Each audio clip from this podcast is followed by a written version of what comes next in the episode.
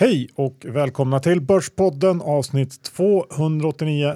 Den här veckan spelar vi in tisdagen den 5 mars och vi har ju såklart med oss vår huvudsponsor, tradingmäklaren IG Markets. Ja, och eh, deras eh, nya produkt, optioner, har ju blivit verkligen en hit. Eh, det som är, jag gillar väldigt mycket är ju att första månaden man handlar med optioner hos IG så kan man bara få trada med 25 procent av den ordinarie storleken. Eh, för att se om eh, det är något man gillar och eh, lära sig via. optionerna erbjuder ju då index och det är bra spreadar, även råvaror kan man handla här. dessutom så har ju IG något de andra mäklarna inte har, utan det är att man får en kontaktperson som eh, man både kan bolla idéer och eh, ja, prata med helt enkelt. Så att eh, IG.com, där har du den perfekta tradingmäklaren. Kanon, tack för det. Vi har ju varit på sportlov John och är nu tillbaks eh, utvilade kanske. Ja, eller utbrända kanske man ska sätta före. Ja, eh, hur som helst så eh, har vi såklart en hel del att prata om. Eh, lite färska händelser på finansmarknaden. Eh, det har kommit några rapporter, några eftersläntrare, det blir lite retail, det blir lite eh, industri och lite blandat helt enkelt. Ja, det här ska bli ett uh, bra avsnitt. Vi hade intervju förra veckan så att, uh, nu är vi fulltankade med nya idéer. Ja, och innan vi kickar igång avsnittet så är vi också sponsrade av Dagens Industri, eller rättare sagt eh, DI Digital. För eh, alla som lyssnar på Börspodden kan genom det här sponsorskapet få 50% rabatt på just DI Digitalt. Och eh, det innebär att man betalar 200 kronor i månaden och får då Nordens största affärstidning i digitalt format. Du kan få tidningen i pdf-format kvällen innan den kommer ut och eh, tillgång till alla låsta artiklar. Eh, ja, massor av bra info. Vi har ju läst det i varje dag i ja, över tio år skulle jag säga nu. Ja, det har vi gjort och eh, jag tycker vi kommer fortsätta med det. Även bra grej för alla utlandssvenskar det här faktiskt som inte kan få pappersformen utan då får man vanliga tidningsformatet ja, via digital form. Och när då priset är så lågt som 200 kronor i månaden så är det inte så mycket att fundera på. Så gå in på di.se borspodden så hittar ni det här erbjudandet. 200 kronor i månaden bara alltså. Johan Dr. Bass Isaksson, index i 1580. Vi har varit nära 1600, men eh, ja, känns som att vi lite tappat lite nu. Vi kan inte gå eh, över det. Vad säger du? Ja, så, lite så kanske, men samtidigt så börjar jag nästan ge upp. Det känns eh, tufft det här. Det bara liksom bubblar uppåt och eh, minst ett par gånger i veckan så går ju börsen upp på att eh, ett handelsavtal mellan USA och Kina nästan i hamn. Uh, och förutom att, att någon typ av deal börjar kännas väldigt inprisad i börserna så kan man ju också fråga sig hur mycket av den här avmattningen uh, som vi sett de senaste månaderna ute i världsekonomin Eh, egentligen beror, beror på det här och den här oron för tullar och så vidare. Jag vet inte riktigt, men, men det är väl som du säger att det är väl oavsett så är det väl dags för en liten sättning i alla fall snart kan jag tycka. Men eh, vi, vi lämnar det och går över till någonting annat som vi pratat om många gånger i podden John, och det är ju vår ovilja att äga bank på grund av att man aldrig riktigt kan vara säker på vad som döljer sig i en bank. Um, och de senaste veckorna uh, är ju ett bra exempel på det.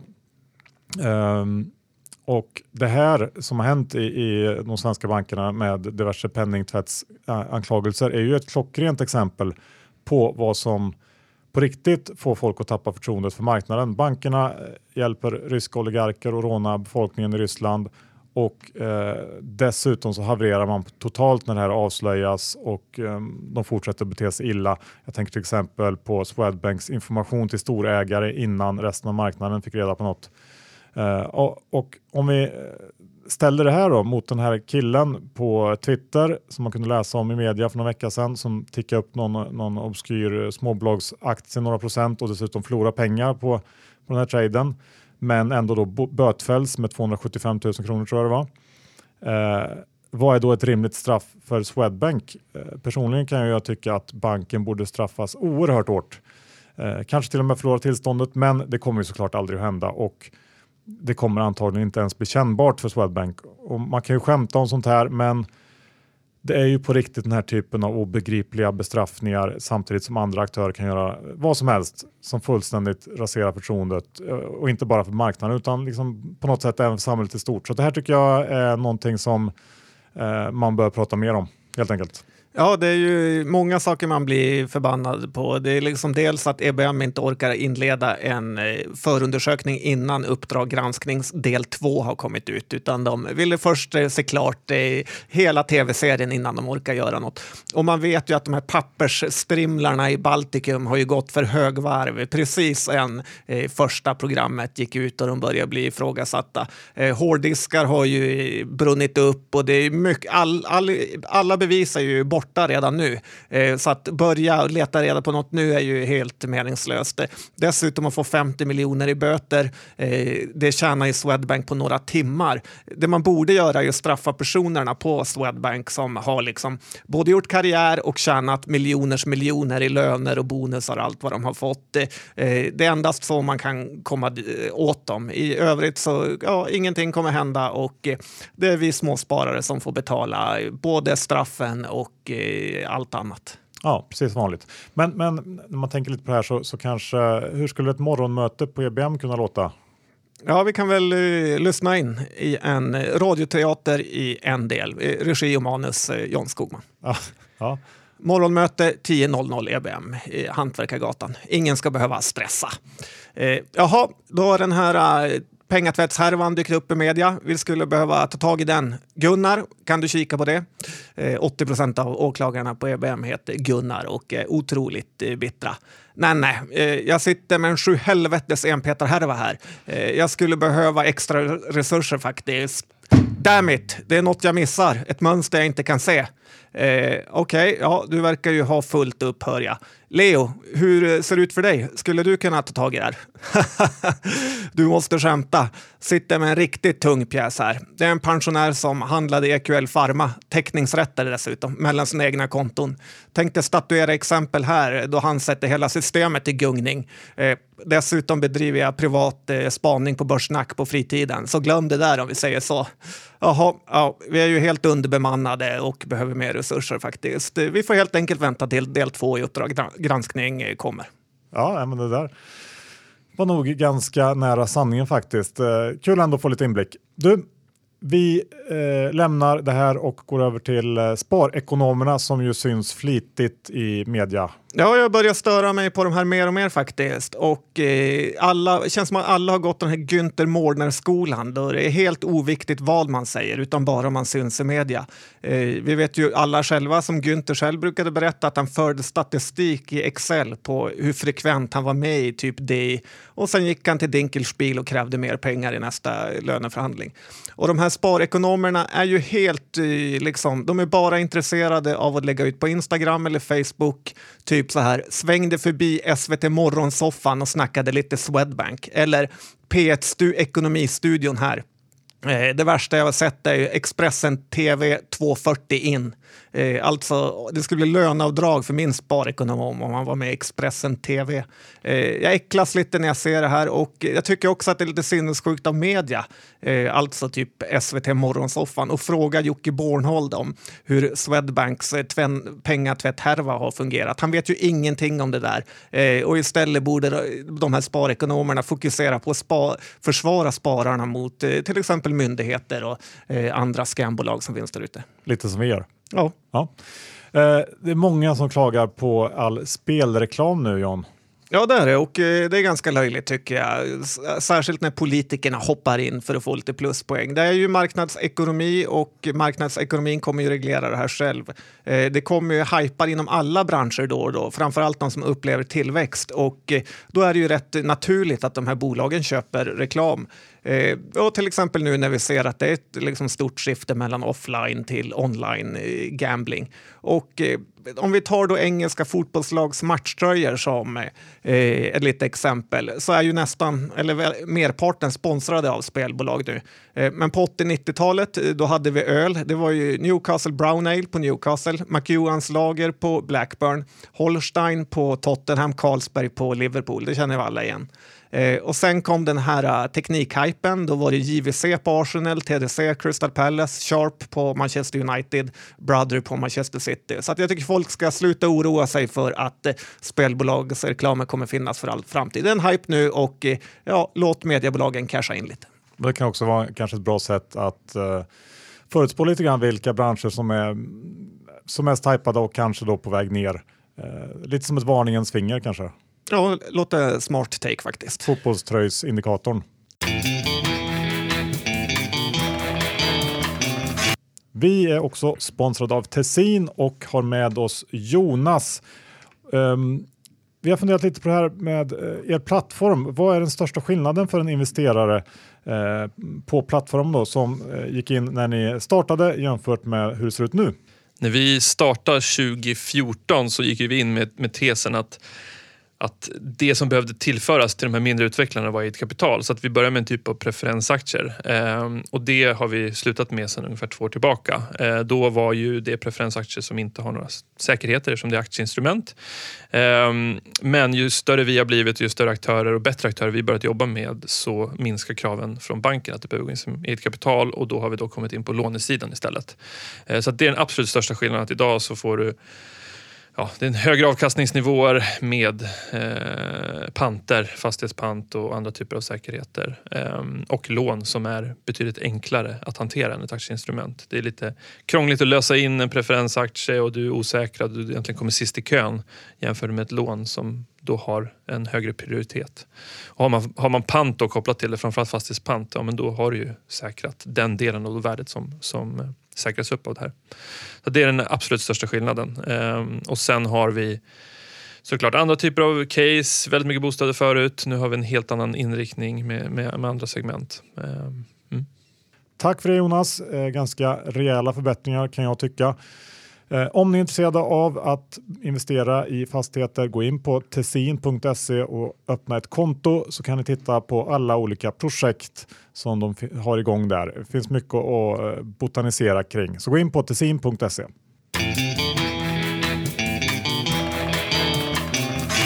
Okej, då ska vi snacka lite bolag John och eh, störst går väl först som vanligt. Ja, låter inte mer än rätt. Och då tänker jag på eh, ABB. Eh, de eh, var väl sist ut att rapportera bland de lite större bolagen. De brukar nog vara så också tror jag. Eh, Q4 var mer eller mindre in line eh, över hela linjen och ehm, ABB ger ju ingen guidance men man pratar i rapporten om mixade makroekonomiska trender i Europa, vilket eh, man då kan ställa mot formuleringen i Q3 eh, då man i rapporten pratar om en robust outlook. Så det känns väl lite, lite svagare där, men alla har varit lite, lite försiktigare när det gäller outlooken i Q, eh, Q4 nu, så att det är kanske ingen större överraskning. Um, ja, I övrigt så gav man lite mer detaljerad eh, info kring marginalmålen ner på divisionsnivå, men det var inget som stack ut och inget som jag heller tycker är intressant att prata om. Men, Kul att du tar upp det. Ja, men, man får liksom gräva upp det som finns där. Men, men sammanfattningsvis så väntar vi väl fortfarande på att det ska lossna för ABB. Aktien ser faktiskt relativt billig ut och eh, jag tycker att man borde ha förutsättningar att prestera bättre. Eh, dessutom så rider ju ABB på en del stora megatrender och det här gör ändå att jag tycker att ABB hör till de mer intressanta aktierna inom verkstad eh, faktiskt. Ja, det är möjligt. Det är lite svårt att förstå varför den har fallit ner under 200-strecket. Men eh, särskilt med tanke på den här avknoppningen och allt som skulle vara så bra. Eh, Gardell kanske tar och styr upp det här, vem vet? Ja, så det är väl ändå mitt eh, topic inom verkstad just nu. Men vi eh, lämnar ABB där och eh, går över till någonting eh, lite läskigare, för aktier kan ju vara läskiga. Jag tänker på eh, att vi har sett stora ras i ganska många, eh, både stora som små aktier på slutet. Ehm, kanske värst är några av de här amerikanska jättarna, Kraft, Heinz. Ja, det har varit en eh, katastrofal historia och det kan ju gå fort utför. Till och med för Warren Buffett kan ju torska stort. Eh, och som vanligt är det ju förvärv som är orsaken. Eh, heter man inte Lifco, Nibe, Hexagon eller Indutrade eh, så ska man vara orolig när ens bolag gör stora förvärv. Eh, Kraft slog ihop sig med Heinz och bildade typ världens största bolag inom förpackad mat. Eh, vi har pratat lite om det tidigare, men vi ser ju inte, i alla fall jag, någon större liksom, framtid för den här branschen eftersom det går emot alla trender med tillsatser och eh, det här nya med ekologiskt med mera. Så att, jag tänkte vi ska titta lite på andra bolag som också ligger lite i farozonen och går bort sig. och då gäller det ju två saker man ska tänka på. Det ena är ju det här med att investerarna kan få för sig sig att eh, en viss sektor är värd en läng, lägre multipel och det är dåligt för aktiekursen och då behöver det inte ens ha hänt något eh, med bolaget. Men det finns ju också den möjligheten att det går sämre för bolaget eh, och då brukar ju det dra ner multipeln också så att ja, då kan det bli katastrof. Vi såg ju Heinz hur den tappade 30 procent på en dag. Ja, men finns det några, några eh, bolag i vår närhet då, som, som kan, skulle kunna vara i riskzonen? För det ja, här? men det jag tänker främst på är ju Orkla, det här norska bolaget. Eh, de har ju många populära varumärken, eh, och, eh, men det är ju just inom de här områdena som känns eh, liksom tillsatsrika. Felix ketchup, eh, eh Olv-chip, OLV-chips och eh, eh, andra färdigrätter, Göteborgskex eh, och en hel del sylter som känns lite 80-90-tal. Eh, det är inte mycket till produktutveckling där kan jag tycka. Sen har ju de den här förvärvsstrategin. Du kommer ihåg att de köpte Kotti Pizza och det känns ju inte heller liksom sylvast tänkt med att fånga upp trender. Även om jag gillade Kotti när jag provade deras pizza. P 20 på Orkla är inte heller jättelockande, så att det finns ju fallhöjd eh, där. Ja, Vad säger du? Ja, men jag håller med. Vi har ju pratat om Orkla en del senaste året och pratat om att de har vissa problem och att det ser lite, lite kärvt ut för Orkla så att, eh, jag kan nog hålla med dig där. Ja, den har ju tappat från över 80 ner till 68 men eh, ja, med P20 så finns det fallhöjd som sagt. Eh, nummer två har vi på svenska börsen och det är ju Scandi Standard. Kycklingproducenten som inte känns som att det ligger rätt i tiden. Eh, det snackas om att kyckling är bättre för miljön än nötkött och att eh, vi här i Norden äter mycket mindre kyckling än resten av världen. Eh, men det är ju liksom lite sådana där klyschor som jag tycker man hör då och då om vissa bolag. För jag tror att vi aldrig kommer komma upp i den här nivån som till exempel Asien har samtidigt som vi inte är KFC-galna som man är i USA.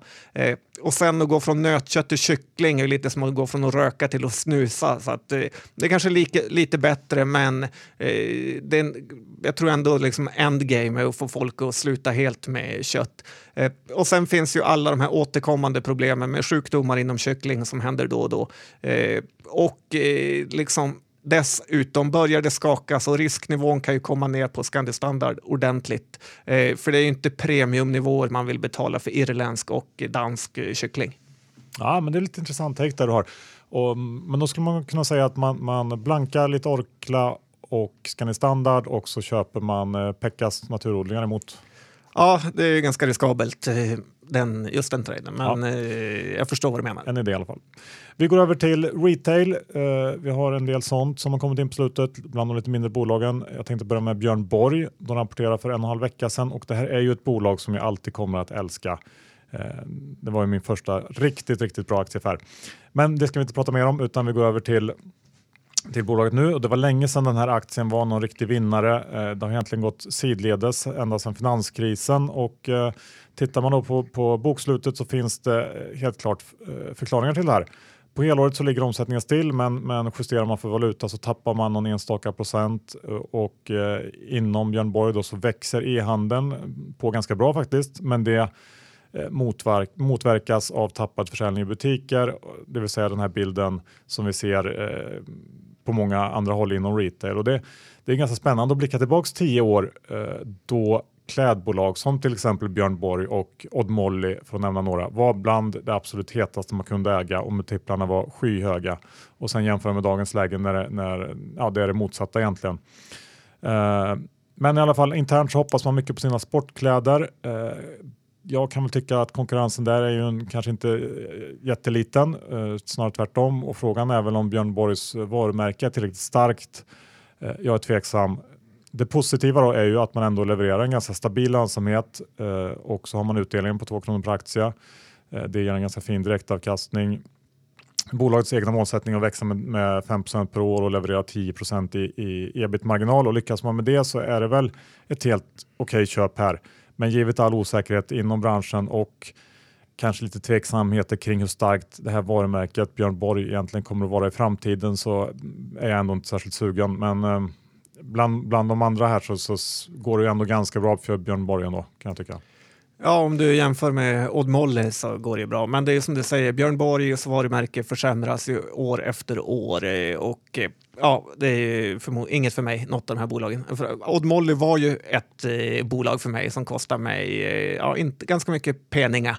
Så att det är trist eh, att se den här kollapsen. Men vdn gick ju vidare till ett nytt toppjobb på H&M så att eh, hon var nöjd. Så är det. Men om vi tittar på andra sidan då, de som bidrar till det här förändrade landskapet. Jag tänker på e-handlarna så har vi till exempel Sportamore som också, jag tror de rapporterar samma dag som Björn Borg här för en dryg vecka sedan. Ja, vi har ju även Boost och eh, Boost gick ju bra medan Sportamore gick katastrofalt eh, illa. De Sportamor har gjort den här klassikern för något år sedan att försöka spela Allan Ballan och ligga i framkant och bygga såna automatiserade lager. Eh, och efter det har ju kursen aldrig eh, hämtat sig faktiskt. Eh, Boost har också haft sin beskärda problem, del av problem, men eh, det var ju en fin rapport eh, och eh, den aktien har ju verkligen lyft från eh, bottennivåerna här.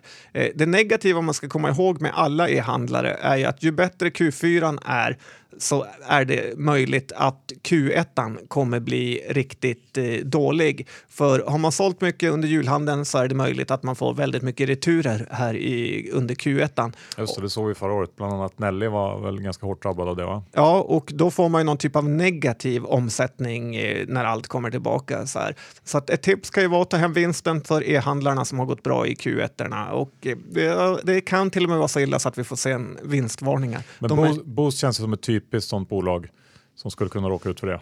Ja. Ja, ja men det är bra att tänka på. Uh, Zalando är väl också en av de här som uh, har fått ett rejält lyft efter sin Q4. Uh, eh, ja, men men uh, värt att tänka på den här risken i returer. Vi går över till Kambi tänkte jag som kraschade 20% i måndags på att största kunden Triple Eight vill att man ska säga va? Inte 888. Näst största kunden va? Ja, näst största. Sant. Jag räknar bort mamman Kindred där. Tycker inte riktigt att det känns som en kund. Eh, men eh, visst, det stämmer ju. Eh, I alla fall, Triple Eight, de har köpt BetBright som är en sportboksleverantör och de har då för avsikt att lämna Kambi. Kambis nuvarande kontrakt, kontrakt med Triple Eight löper till 2021 så det är inget som kommer att ske över en natt. Men det handlar om i runda slängar drygt 10 av omsättningen för Kambi och givet att kostnaderna är Fixt för Kambi så blir den teoretiska påverkan på resultatet större än så. Eh, så man kan ju förstå att reaktionen blev eh, starkt negativ. Dessutom är det ganska negativt att tappa en kund till att börja med. Eh, nu ska man komma ihåg också att Kambis aktie hade gått dåligt redan innan det här, den här nyheten.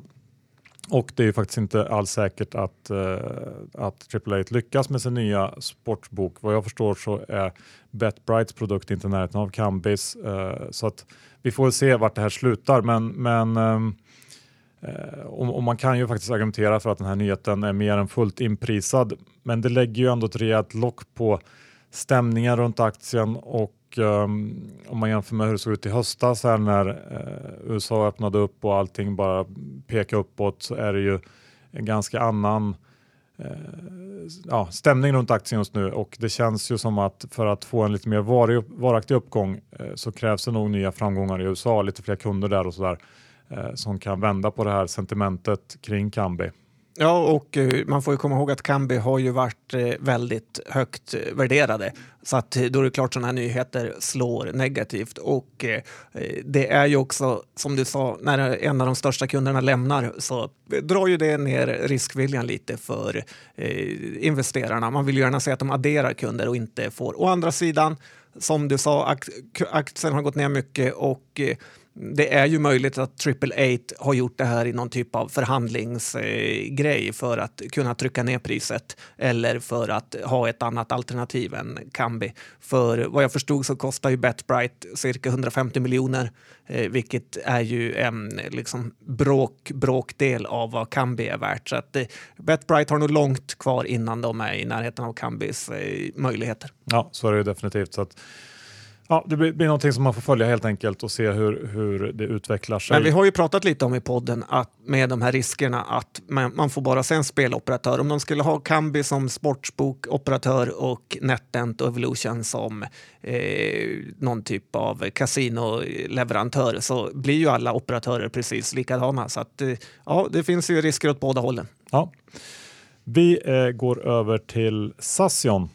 Ja, men eh, kul. Det här bolaget är ju verkligen ett eh, tradingbolag och eh, eh rapporten kom ju här. De har ju brutit räkenskapsår så att eh, det är därför de kom. Och eh, tidigare var ju SAS skandalbolaget, men nu är ju de lite mer hyllade medan Norwegian är det nya skandalbolaget. Eh, och eh, man får väl ändå hylla lite tycker jag eh, den här vdn i SAS som har kämpat på och styrt upp under många år nu. Han har ju hanterat alla de här intressekonflikterna med piloter, markarbetare, kabinpersonal, eh, investerare, banker och allt möjligt här. Och det har ju visat på riktiga skills. Eh, det känns som att varje gång ett toppjobb eh, nämns eller kommer på tal så är det ju Rickard Gustafsson som är lite så här potential, potentiellt namn för att få ett, eh, det jobbet.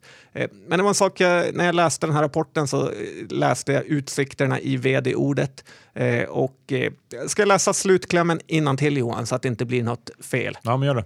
De rådande marknadsförutsättningarna ger ingen närmare vägledning om resultatet före skatt och eh, jämförelsestörande poster för 2018 och 2019. Eh, det är ju inte ett sånt bolag du vill äga Johan, där de inte riktigt vet vart det är på väg. Och det här är ju inte SAS fel eller Rickard Gustafssons fel, utan det är ju att det är helt omöjligt att eh, veta hur oljepriset går, hur valutorna går, hur den här så kallade Eh, kapaciteten. Kabin. Ja, kabin, men hur kapaciteten hos de andra ja, konkurrenterna, mm, mm. Eh, vilka nya plan som kommer. Så att det, det, sådana här bolag är ju absolut inget att ha i en long only-portfölj, utan den här får man behandla som en tradingaktie. Köpa när den är billig och eh, eh, saker verkar ordna upp sig och sen sälja när det ser okej okay ut. För att eh, det kan nästan bara komma negativa överraskningar i det här laget och eh, eh P-talet kommer nog alltid vara under 10 på flygbolagsaktier.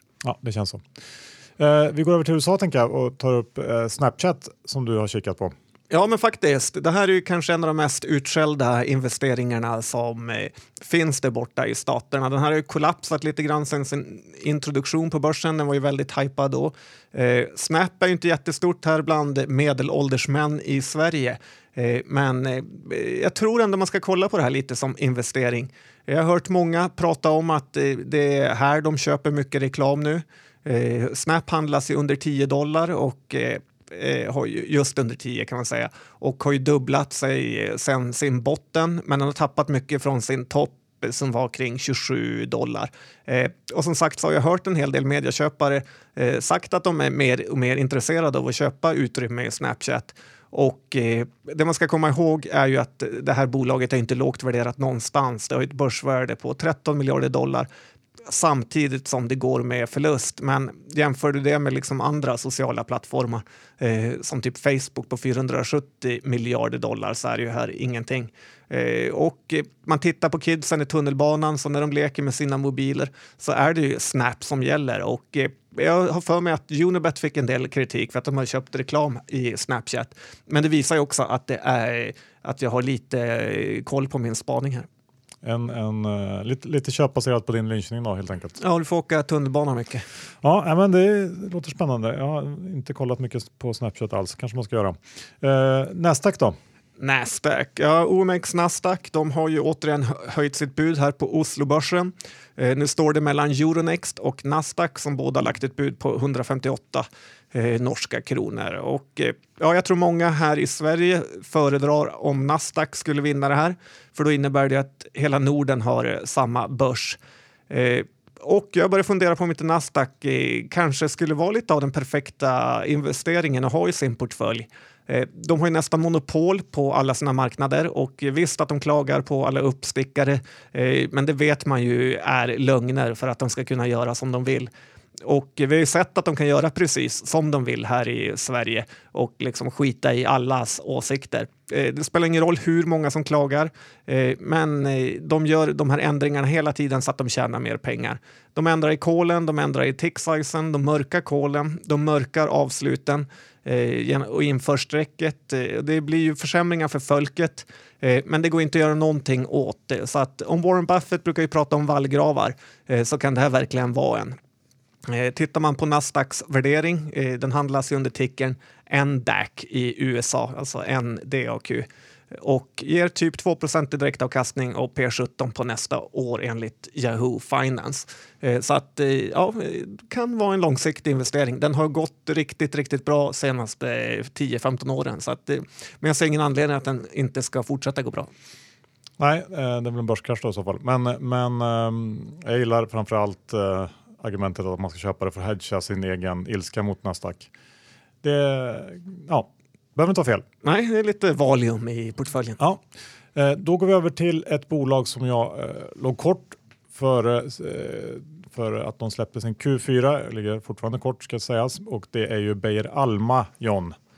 Och när den här rapporten kom, då var det tjo kim. Jag var rätt övertygad om att jag skulle få bra betalt för det, för eh, den var inte bra. Resultatet kom in ungefär 10% sämre än väntat och orderingången sakta in rejält och var mer eller mindre oförändrad i Q4 jämfört med, med om man tittar på helåret då, så, så var, var orderingången plus 14% så att det bromsar in rejält för Beijer Alma kan man säga.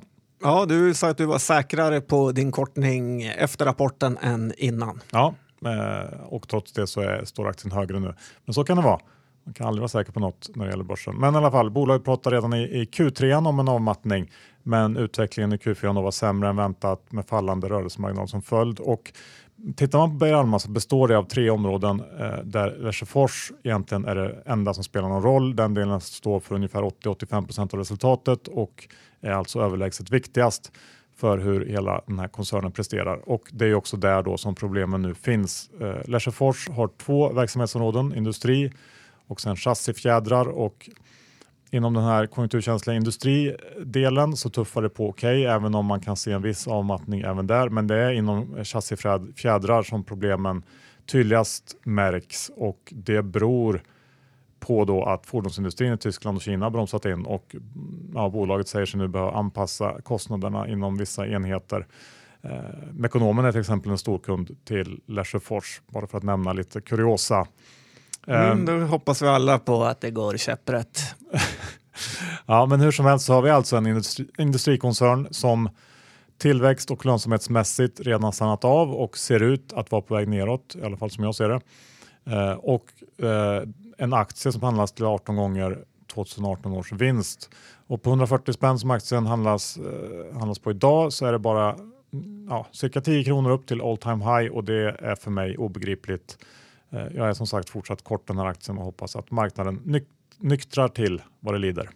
Ja, när man åker E4 norrut från Stockholm så ser man Habia Cable ha sitt eh, kontor på Infracity, eller det nya namnet Bredden. Så att det är lite av eh, depression när man åker förbi där kan jag säga. Ja, det är ett av de, de mindre eh, områdena inom Beijer Alma och eh, lite av en skam kan jag också tycka att man ändrar namnet där på Infracity. Eh, ja.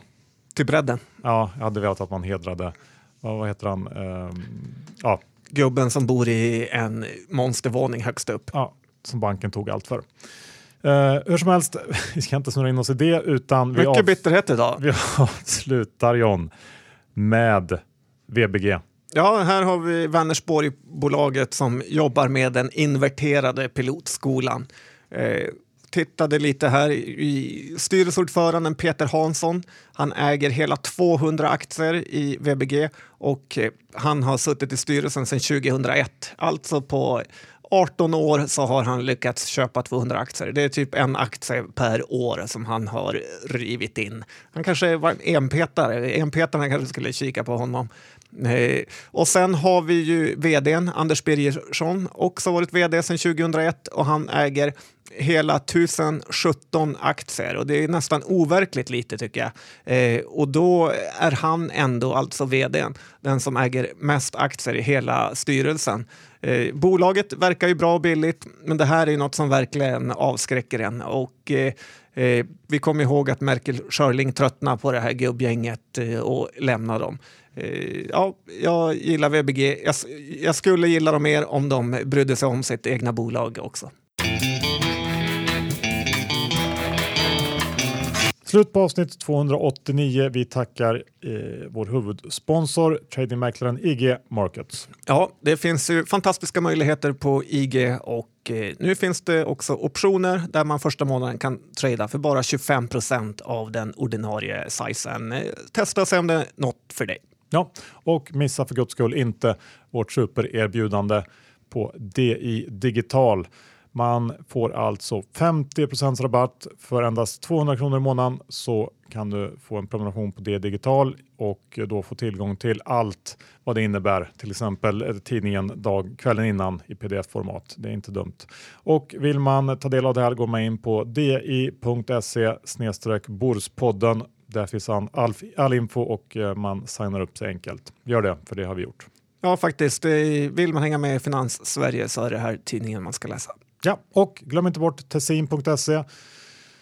Plattformen för dig som vill börja testa att bygga upp en egen liten fastighetsportfölj. Eller den behöver inte vara liten, den kan bli stor också. Men gå in på tessin.se och öppna ett konto och testa själv. Faktiskt. Eh, jag har investerat där och eh, pengar tickar in lite då och då. Kul. Vi eh, ska också säga någonting om våra egna innehav. Jag är som sagt kort Beijer Alma och eh, i övrigt så är det ingenting av de bolagen vi har pratat om. Hur ser det ut för dig John? Nej, idag har jag faktiskt inga innehav, varken korta eller långa. Härligt, kan också vara eh, skönt ibland. Ja, faktiskt. Eh, jag har redan, redan eh, tillräckligt trasig efter sportlovet. Så. Ja. Bra, tack för att ni lyssnade. Vi hörs om en vecka igen. Hej då!